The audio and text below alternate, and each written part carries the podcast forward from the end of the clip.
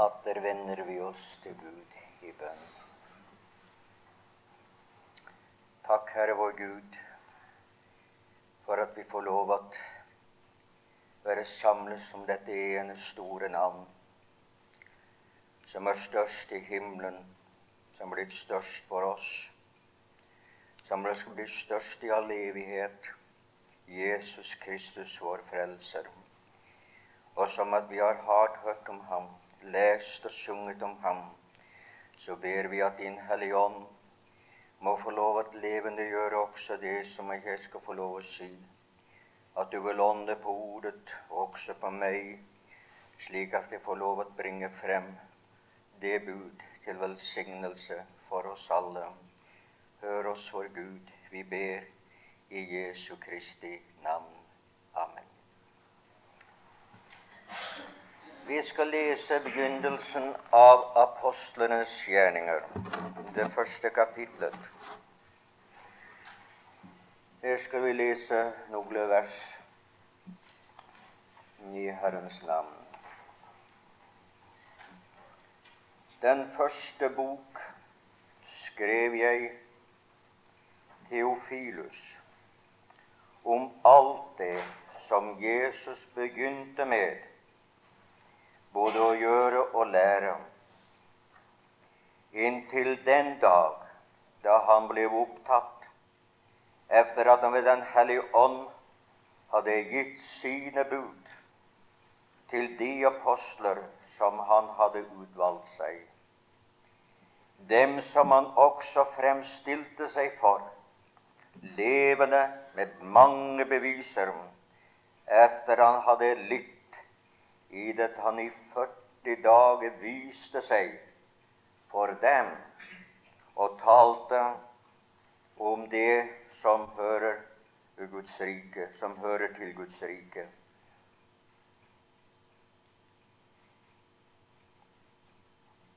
Førti dager viste han seg for dem og talte om det som hører til Guds rike.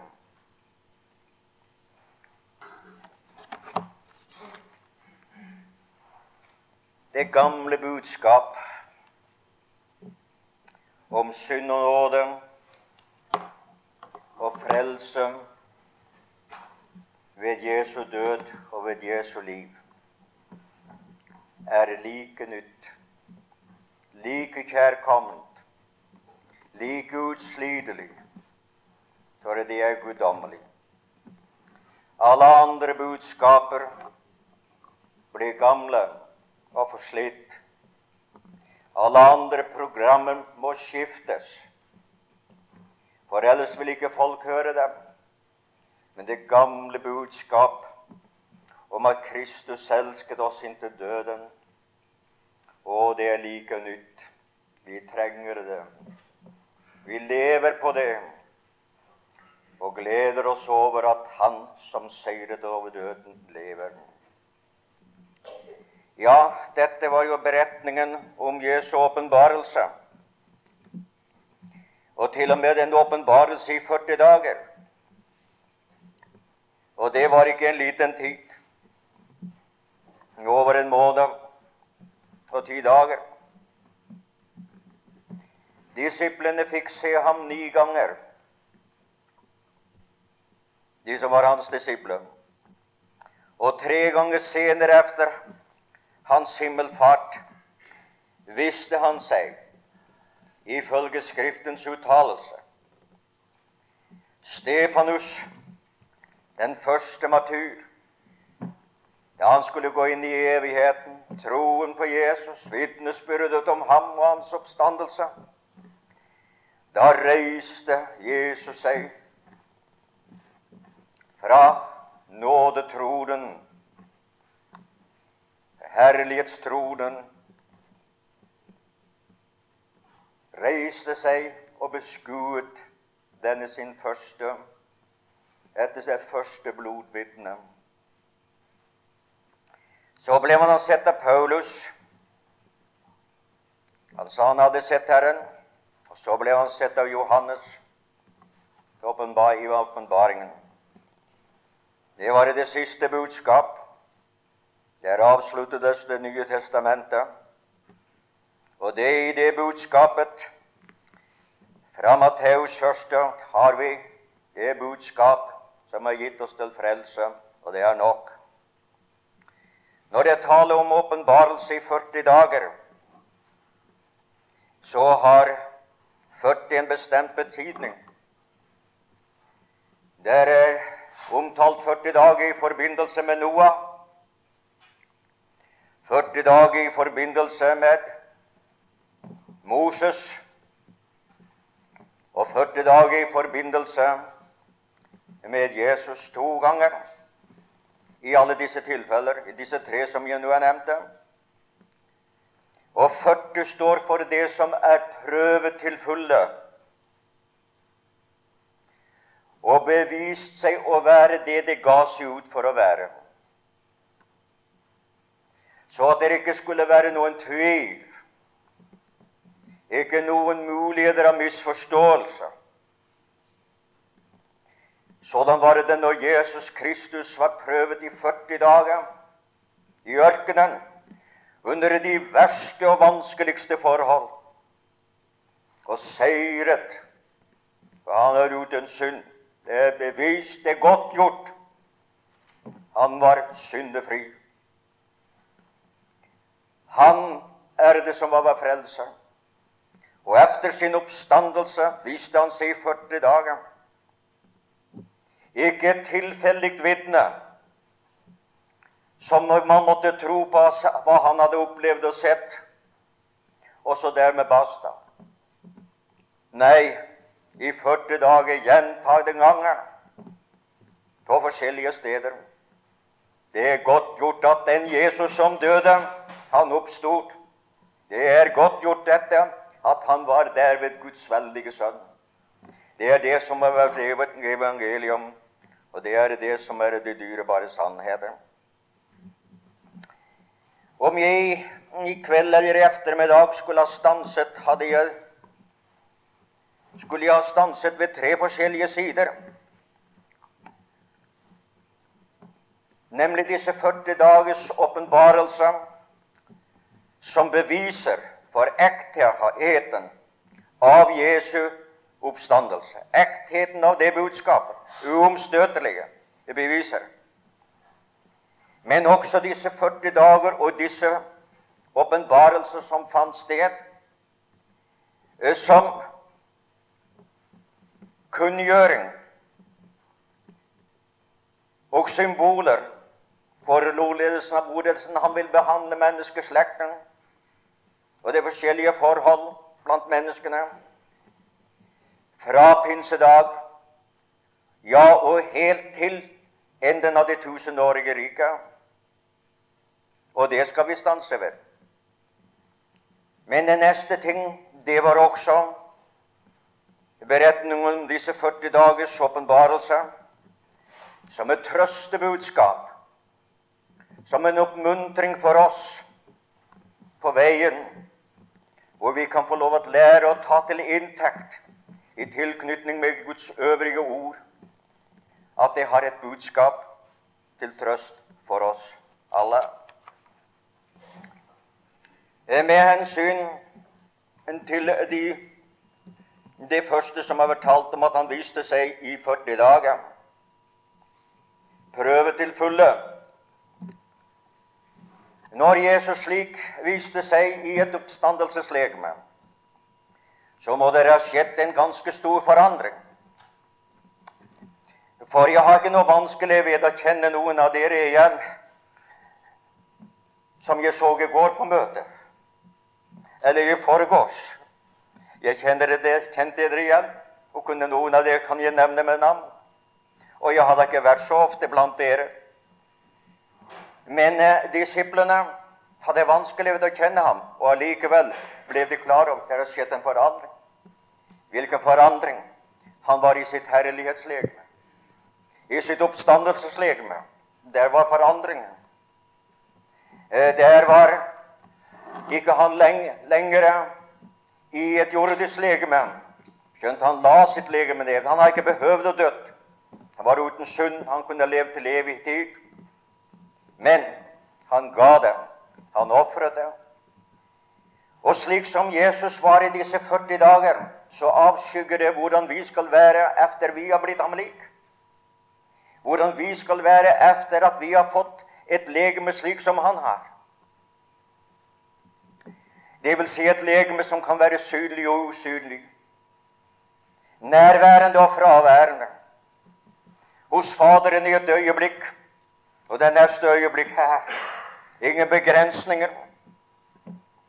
Ikke hastighet som lydens hastighet. Skjønt den sto 300 000 km i, i sekundet. Eh, bare det er ubetydelige hastigheter i åndens verden. Men så hurtig som tankens flukt. Og slik skal vi være i tusenårsrikt. Vi skal være kunne synlige og usynlige som han var. For han vil bli synlig og usynlig. Og det er jo dette som er for hans legeme. Er ikke et legeme som er bygd opp av jordens 92 eller to, ja, 92 grunnstoff. Nja, det er ikke så mange. Jeg tror det er 14 grunnstoff vårt legeme er bygd opp av. Sier det med forbehold, men jeg tror det, at det er slik. Jeg har det, men i øyeblikket var ikke helt husker det helt. Men jeg tror jeg er 14. Og disse vårt legeme er oppbygd av. Det kan ikke gå gjennom lukkede dører. Det kan ikke være usynlig og synlig. Men det er himmelske legemer, og himmelske legemer kan være det. Derfor kunne englene forsvinne i et nu, og derfor kunne andre være borte i et øyeblikk. De hørte til den evige verden. Og slik skal også vi være når vi blir ham like. Og vi skal alltid være med Jesus. Og hvor stort er ikke dette? Det var med hensyn til disse 40 dager, og hvorfor at det skulle godtgjøres ved et slags legeme han hadde. Han åpenbarte seg for Maria Magdalena. Nevne, det er omtalt i Markus, det 16. kapittel i Markus det 16. kapittel. Og der vil du finne det.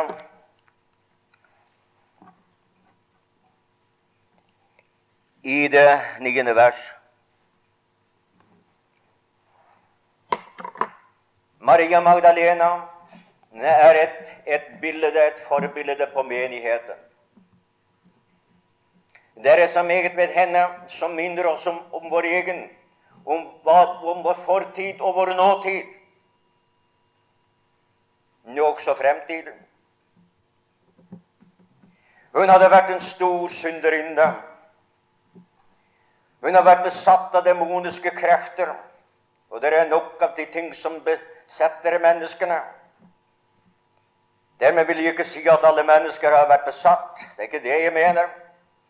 Men makteren i verden, de demoniske krefter, de er sterke. Det er ideologiske syn som absolutt er demoniske. Det er andre krefter som virker i det skjulte og det åpenbare. Hun hadde blitt fridd av djevelens makt. Det har alle dem som er frelste. Vi har satt Herren har fått lov å frigjøres. Den som Sønnen får lov å frigjøre, blir virkelig fri. Der ligner vi henne på det området. Slik er det med menigheten. Det består av mennesker som har fått møte Jesus, som har opplevd hans frelseskraft, som forandret deres interesser, forandret deres liv, forandret deres ferd, forandret hele deres liv, slik som hun var en nye skap blitt.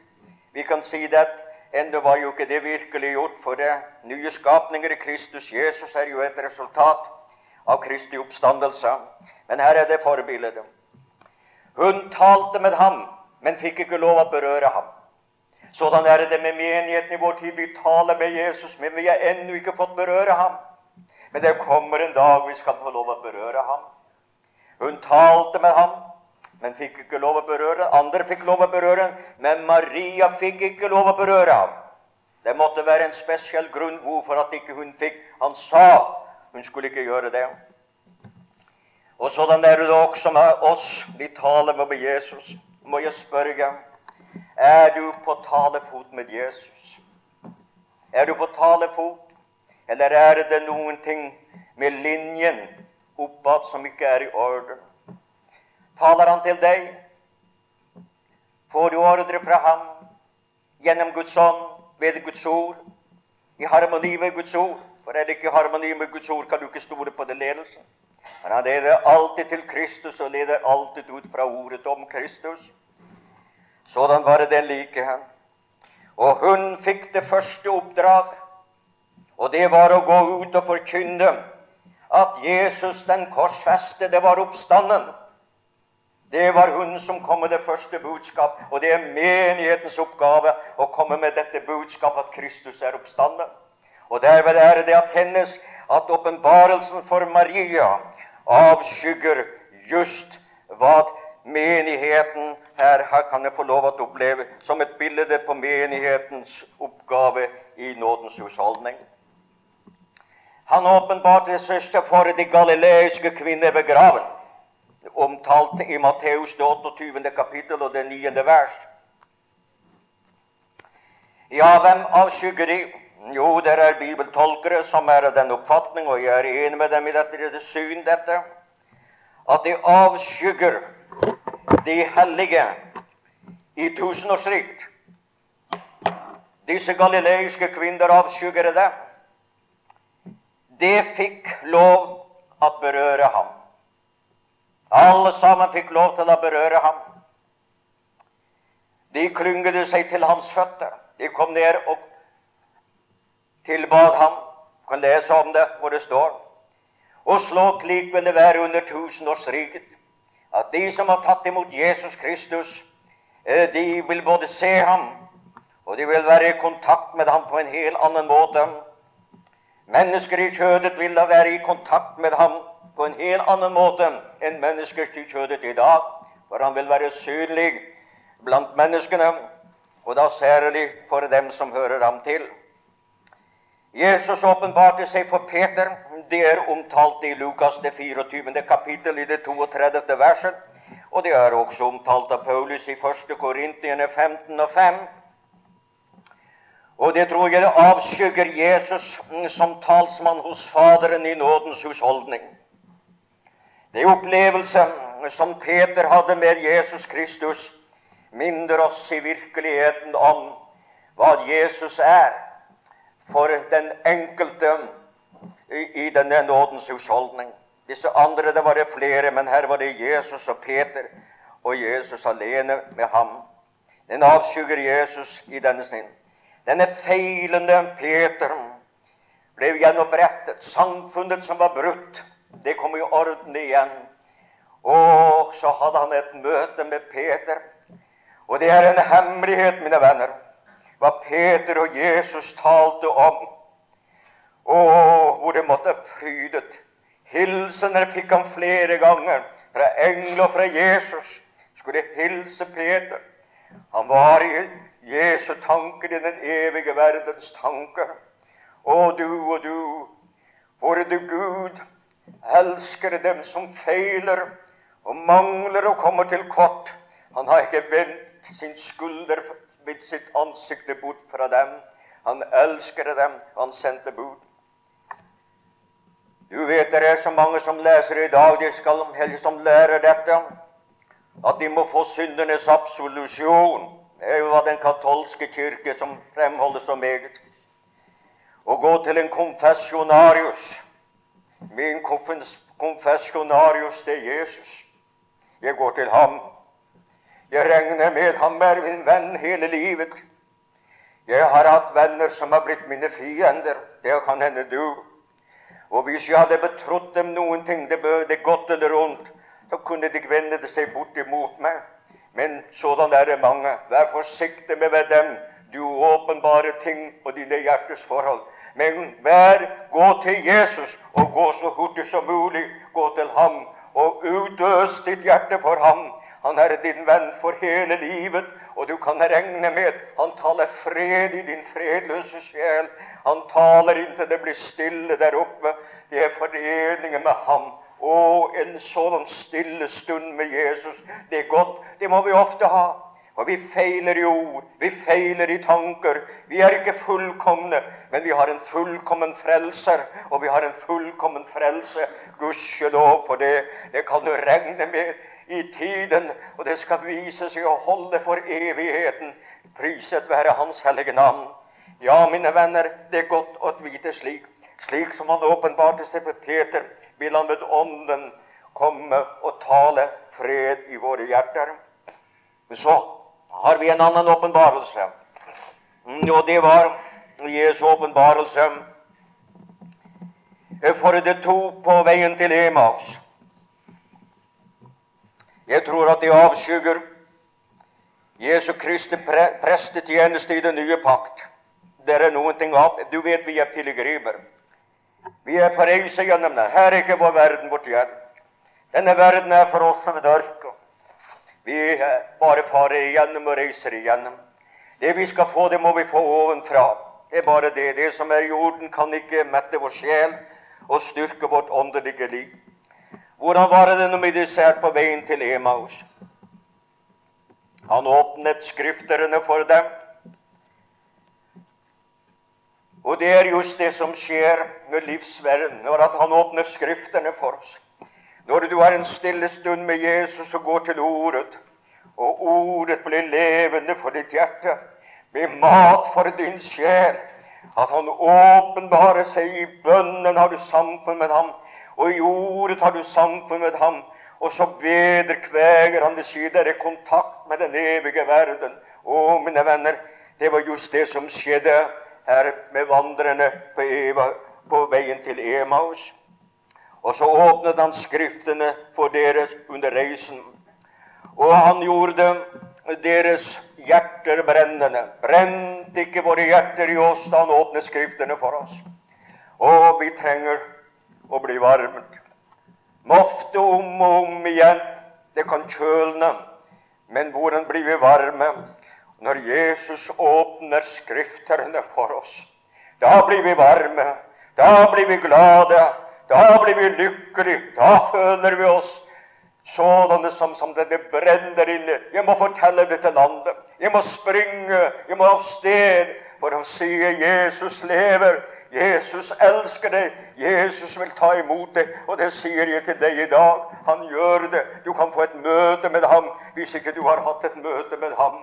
Gudskjelov, han er å finne i dag. Du kan få et samfunn. Og vi har samfunn med ham.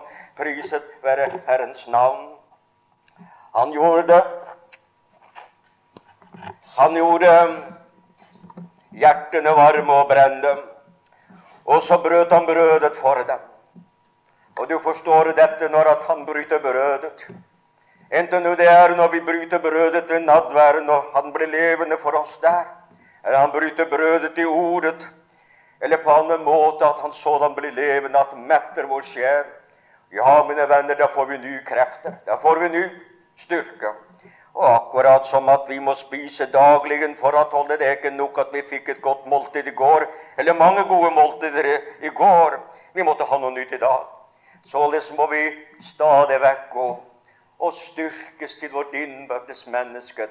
Pleie samfunnet med jeder. Kjenne hvor godt det er å tale ut med ham og fortelle ham alt det vi er glad for, og det vi er bedrøvet over, og det som ligger på vårt hjerte, og utøse vårt hjerte for Jesus Kristus. Å, hvor er det godt, og hvor er det sunt, og hvor er det nødvendig at det blir gjort på denne måten.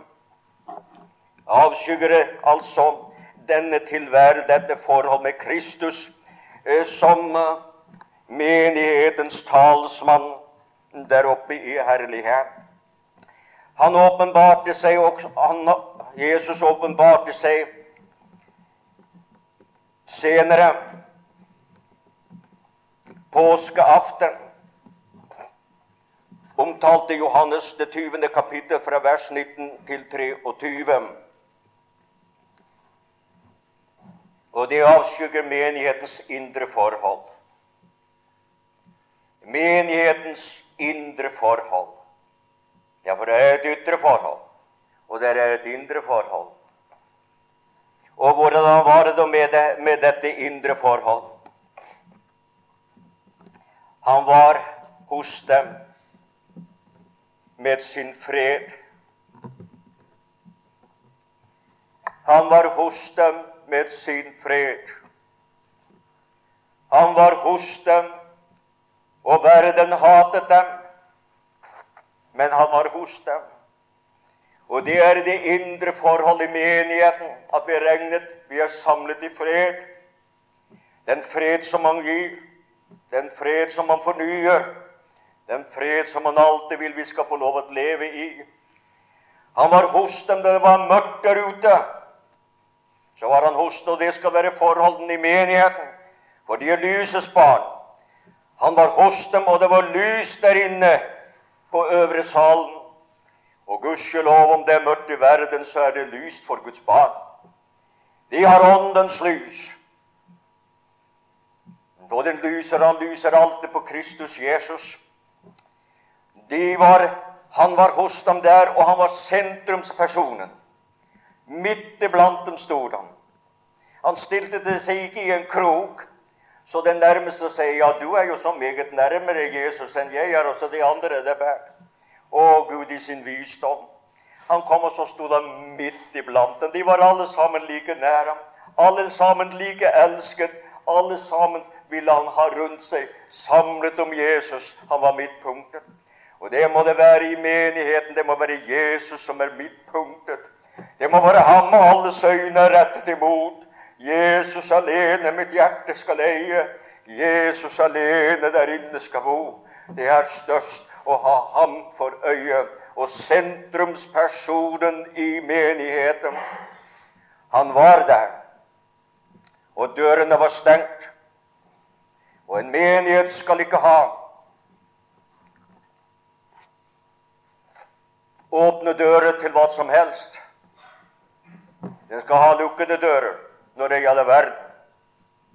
For verden er i mørket, og de er mørkets bønn. Og verden kjenner ham ikke. Og når verden kommer inn i de troendes forsamlinger, eller la meg si da skjer det mange ting som ikke skulle skje. Når verden kommer inn, hender det at Kristus må ut. I Laudikea der sto Kristus på utsiden og banket. Om å få lov å komme inn og holde måltid. Men her på øvre salen, der var han innenfor, og de har måltid. Og vet du hva Laudikea er? Hva det betyr? For de syv sendebrevene, det er epoker, avsnitt. Ikke alene lokalt, og ikke bare er individuelt til alle og til alle tider, men det er epoker, avsnitt av kirkens eller menighetens eh, alder, eller eh, tid fra pinse til han kommer. Og jeg har funnet i flere verker hvor det er oversatt folkets krav, folkets røst, folkets lovede justis, folkets vilje. Det er den siste menighet for den store trengsel, da du og jeg lever der. Det er tiden vi lever i. Det var en menighet hvor det ikke fattes noe innstad. Noe. Det var velferdssamfunnet. Og det er ideologier, og når det griper inn i menneskene, så blir det om å gjøre å redde det fysiske legemet, så får det gå med det, med det indre legemet. Sådan der forholdene kan ende i dag. Det er kravmentaliteten som gjør seg gjeldende, og det er om å gjøre på alle områder. Og hvor mange Guds barn er blinde for den åndsmakt som råder og sniker seg inn i kristenheten og kan gjøre de troende lik verden på mange områder.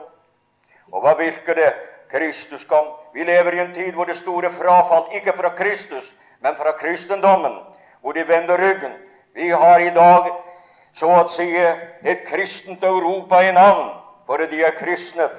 Men hvor mange er det som hører Jesus Kristus til? Det vet ikke jeg. Gudskjelov finnes det i alle steder. til og med der man med minst skulle trenge dem. Men størstedelen har ikke livet i Gud. Det er navn kristendom. Den blir ikke med når Han kommer, Kristus kommer. Således er det vi lever i endens tid. Jesus åpenbarte seg for dem der, og det var det hellige samfunn. Det var ikke noen stor, og de var ikke populære. Og levende kristendom blir aldri populær. Sann Guds styrkelse må du regne med at verden reagerer overfor. Det vil si at du er gammeldags, du er snever, du er mørkemann, du forstår ikke, følger ikke med tiden. Er det det vi skal lære i Jesus vi skal følge etter? Det er ikke verden vi skal følge, det er ham vi skal be om å bli lik. Og han var ikke populær. Jo da, det var tre år. Det ene var popularitetens år. Det annet var unnvikelsens år. Det var, var viet bare hans disipler. Og det tredje var forkastelsens år. Slik var det de tre årene inndelt. Og det ble med forkastelse hele veien. Og det må du regne med at sann kristendom. Og når denne sataniske ideologi Du kan få lov å tenke det videre. Når den er blitt fullbyrdet og kommer til sin fulle rett, da blir det at hodene vil rulle. Da kommer den store trengsel, men gudskjelov, det er menigheten bortrykket. Det er menigheten fra den hjerte. Men det er den samme antikristelige dyr som virker i dag i over halve delen av menneskeheten. Og en masse mennesker er ikke våkne for at så er tilfellet. Det er en ideologi som begynte slik du skal ikke elske, for kjærligheten, den er svak. Du skal hate, for, hatet er sterk. Og verden er blitt full av hat. Det er denne ideologi som går over verden, og som i løpet av 30 år innsirklet nesten en halvedel av menneskeheten på jorden, mens det tok har tatt 1900 år så å si, for å føre kristendommen utover verden, og så meget av det er bare overfladisk. Det var dette med de indre forhold. Menigheten hvor Jesus kan ha samfunn. Menigheten som vil leve helt med ham, som vil stå på ordets grunn, på sannhetens grunn, og ikke regne med noe av sitt eget, med det fullbrakte frelsesverk ved ham og i ham. Så har vi en annen beretning her, og det er da han åpenbarte seg for, for Thomas en uke senere. Det er, finner du i Johannes evangeliet i det 20. kapittel fra 24 til 31. Han var jo ikke med på øvre salen den første. Og det har sikkert sin mening også, dette. Han kalles jo tvileren. Regnes som sådan. Han vil ikke tro. Han vil ha tegn. Og hvem er det som søker tegn? Det er jødene. Og jødene søker tegn, og jødene får fått tegn. Og jeg skal bare få si dere uten at du utdyper det, har du lagt merke til at det er flere misjonsbefalinger.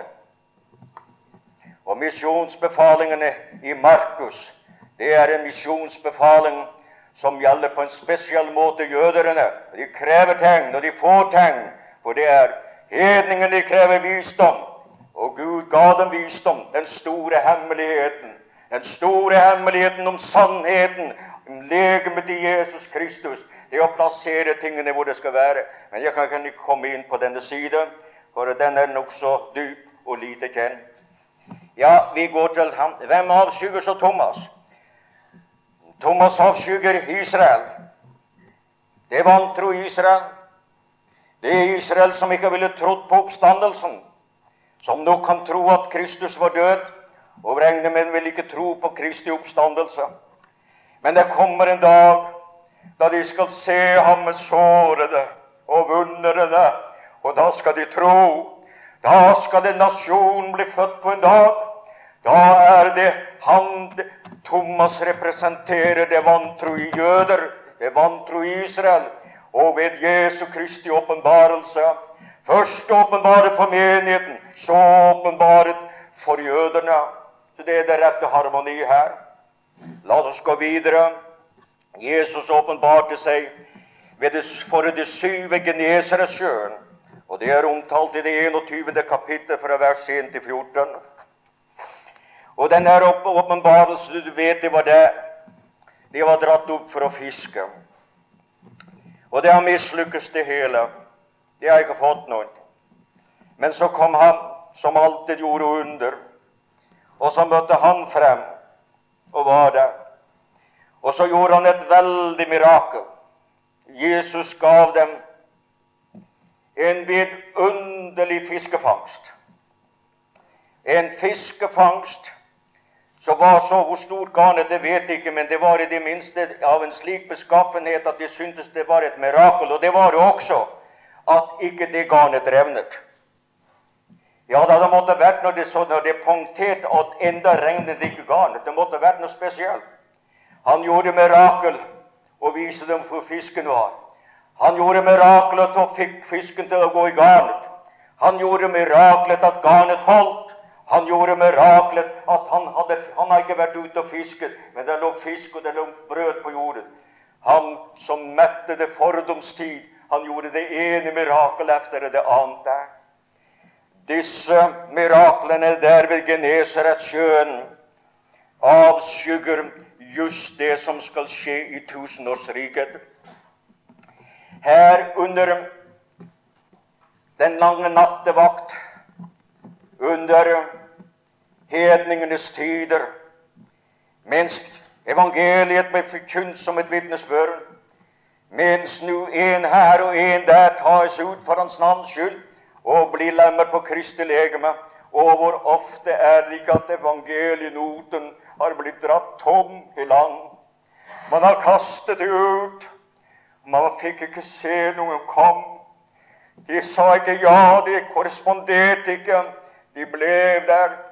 Det mislykkedes, og mange tårer av Herrens vitner har rundet nedover kinner når de har forkynt evangeliet til frelse, og de fikk ikke se noen resultater. Og sånn har det vært så ofte her i nådens husholdning. De sterke menn i verden har ikke bruk for Jesus Kristus. Og nå er det ikke noen uten grunn dette at Kristi brud, at Kristi menighet kalles Kristi brud og trolovet med Kristus. Menigheten kommer til å bestå av langt flere kvinner, frelste kvinner enn menn. Har du tenkt på det? Se, godt til et møte og betrakt hvor som helst, i kirker eller bedehus, hvor som helst, hvis dere er samlet i Jesu navn, og så gi det til hotell, så skal du se at mennene alltid er i stor minoritet. Jeg har vært bare i en eneste menighet hvor mennene var i majoritet.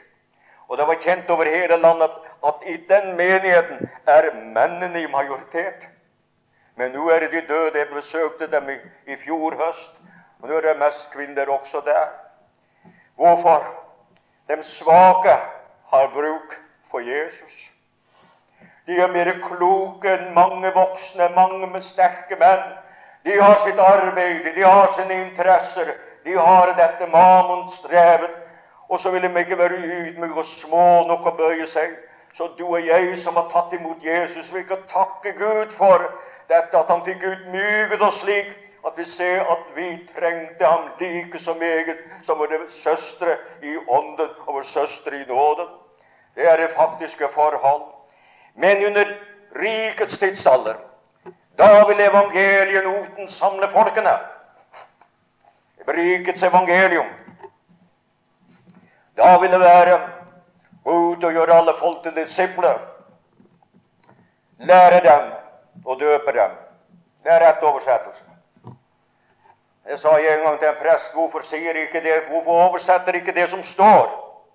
Ja, for språkets skyld. Må jo ødelegge det for språkets skyld når det står i grunnteksten. Og jeg har aldri vært redd for å synge ut. Jeg sier min mening enten jeg får venner eller for fiender. Jeg står for Gud som hans tjener, ikke for å behage menneskene men å si det enten det smaker eller ikke smaker. Vil du gi Jesus ditt hjerte? Vil du si ja til ham hvis du er ufrelst? Gudskjelov for alle disse fleste som er frelst. Men der kom Nå er det bare én her og der. Vil du være en av dem som tar imot? Bli lem på Kristi legeme, så kan du få lov å gjøre det. I tusenårsriket, da vil masserne søke ham. De vil ikke, de ikke ville tro på korset, det korset. Det får de da oppleve. De får se ham som den korsfestede, men de får også se ham som den herliggjorte, for han kommer i sin fars herlighet.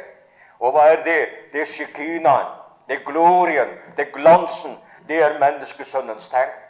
Det er det som er menneskesønnens tegn. Den herlighet som han har hos Faderen i dag, det skal verden si. Og de tror. Og dem som da ikke vil komme og tilbede kongen, skal Herren stenge himmelen for en som de ikke skal få lov å få regn. For han skal styre verden med rettferdighet. Med kongestav, med jernspir. Det blir rettferdighet. Nå griper urettferdigheten om slik, slik som aldri før. Men da blir rettferdigheten styret. Ja, dette var altså den symboliske side ved disse miraklene. Så har vi én ting, og det er det samlede disse 40 den gangen da det var 500. 500 mennesker på en gang som så Jesus. Det må ha vært et vidunderlig møte. Jeg ville gjerne likt å vært med. Men gudskjelov, noe enda større det er å oppleve Jesus. Det er en ting å se Jesus, det er en annen ting å oppleve Jesus å tilhøre Jesus og være lem på hans lem, på hans legeme, ja, det er det største. Det er meget større enn det øynene kan se. Disse 500 viser forholdet mellom Kristus og menneskene i tusenårsriket. Da vil det være slik at Messias ikke alene er kjent, men han er sett han blir synlig. Og det må bli en vidunderlig tid. Fredsriket med Kristus og Messias begjærer meg å gi det hedninger til arv og jordens ender til eie. Jeg tror at disse her åpenbarelser avskygger forskjellige sider just fra pinse og helt til slutningen av tusenårsriket. Dette var bare en kortelig gjennomgåelse. Så skal vi se litt på den praktiske. Kan godt hende at jeg preker litt lenger inn i kveld enn jeg har gjort, men du får, du får finne deg i det. Jeg vil si litt mer nå om det som kan være til trøst og direkte oppmuntring for oss. Ut fra disse beretninger som her er omtalt. Han kom til disiplene som var i dyp sorg. Det var ikke alene Maria, men alle de andre. Det var en tung stund for dem. De har fulgt ham i tre år. Nå var han blitt borte for dem. Kan du sette dem inn i situasjonen? Kan du tenke deg hvordan de måtte føle? Det var ramlet i grus, det hele. Det var løft som har gått i stykker, det hele. Har du vært i en slik situasjon? at det, den som du elsker det mest, like som ble borte for deg, eller ble borte for deg, han kom til ham. Og du skal vite det, bror og søster, hvem enn du er, hvor mange du er, hvor få det er, at du som har tapt, og synes du har tapt alt Han er trøsteren. Han er advokaten. Han lever for å gå i forbønn for deg. Du kan regne med ham. At når andre ikke kan trøste, så kan han trøste. Å stå ved et sorgens, et menneske som er i sorg, og bringe trøst, det er en tung stund både for den ene, for det er ingen som kan trøste slik som Jesus. Og man må bare peke og føre hen til ham. Du som sørger, han er trøsteren i liv og løv.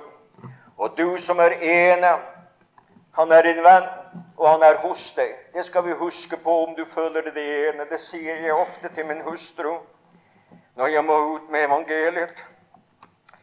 For mine var opp nord, og hennes er i Danmark. Og menneskelig talt er vi nokså ene på den måten. Vi har jo ingen barn. Så sier jeg til min kjære Jesus er hos deg når jeg er borte. Og han er hos deg når jeg er her. Og han er det største. Regn med ham. Du er ikke alene. Og du, min venn, vi må få lov å regne med Jesus er hos oss. Jesus er hos deg som ingen annen men større interesse større kjærlighet enn noen andre kan ha overfor deg. Du kan regne med Jesus, og da regner du rett, min bror og søster. Det må du få lov å gjøre. Du som ikke kan finne ham, så husk at han har funnet deg. Du vet at hun kom til graven Maria og lette etter Jesu legeme. Og så kom Jesus åpenbart til han seg for henne. Hun trodde det var urtegårdsmannen. Der har vi igjen at det har skjedd en forandring. Men det kan godt hende at hennes øyne var dunklet av gråt, så hun ikke så klart, for sorgen var stor. Du skal vite det om at det kommer stunder i ditt liv at det like som at han blir dunkel for deg. For det kan skje. Så ser han deg, og det er det viktigste. Om ikke du ser ham, så ser han deg. Om ikke du så å si føler det så varmt, så føler han varmt for deg, og du kan regne med, med dette.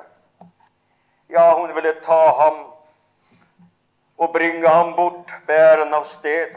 I sorgen kjente hun seg sterk. Og venn, vi somme tider misforstår, tror ikke tror vi greier det vi ikke makter. Men han har all makt i himmelen og på jorden, og du kan få lov å stole på ham. Han kom til det fryktaktige og redde, slik som med kvinnene ved graven. Det løp redselsslagne bort. Istedenfor å skulle bli lykkelig, så ble de redd. Og vi kan forstå dem.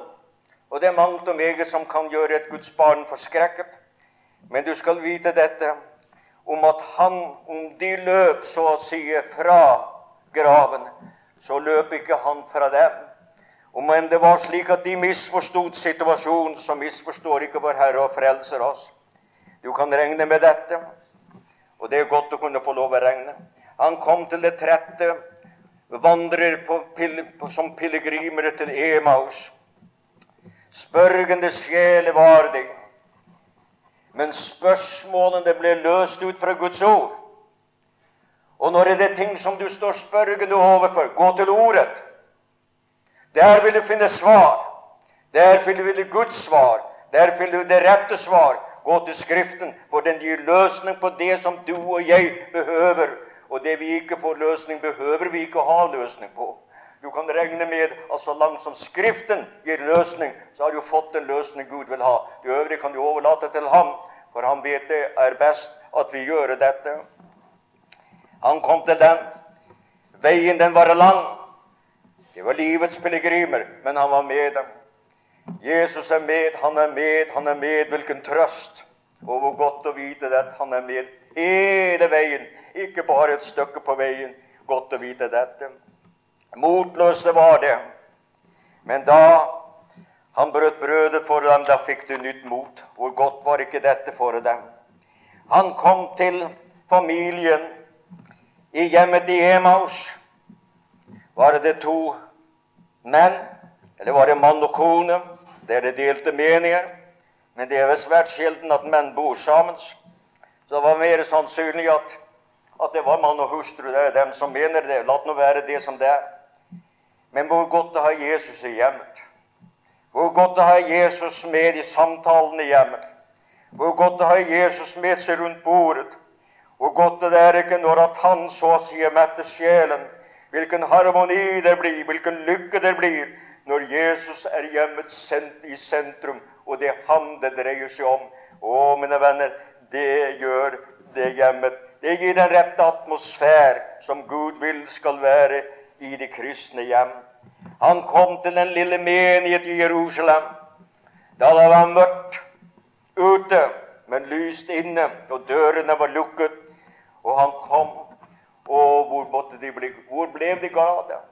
Og vet du hva han forkynte dem? Han forkynte dem evangeliet. det evangelium hvis man tok misjonsbefalingen i Lukas evangeliet og forkynte det, skulle det ikke ha blitt slik splittelse som det er i verden. Og det skulle ikke blitt så mange navn kristne. Men det er fordi at man ikke har sett forskjellen mellom de forskjellige misjonsbefalerne, men roter det hele sammen og gjør det til ett. Og Gud har skilt det, for det er et skill, og det er en grunn for det. og Jeg kan ikke gå inn på det, for det blir for langt. Han kom til den tvilende sjel Thomas. Og gudskjelov, det er godt å vite dette, at med beskuelsen av ham i ordet så forsvinner troen. Les Skriften, og tvilen vil forsvinne. Støtt deg til løfterne, og tvilen vil forsvinne, og troen vil komme. For ham som har gitt dem, kan ikke lyve, han taler sannhet. Og du vil finne deg trygg og fast og sikker og glad og forvisset, for du har Guds levende ord. Og hvor godt er det slik er det han kom og delte alt med dem. Og det vil han med våre sorger, våre bekymringer, våre spørsmål, det vi ikke forstår og ikke forstår. Vi skal få lov å overlate det hele til ham. Da blir det fred og ro i sjelen. Da kommer han og dekker det behov som vi har. Og just under det forhold som vi lever, det som er anskueliggjort, uansett hvilken tid det enn skulle være. La oss så prise vår Herre og vår Frelser.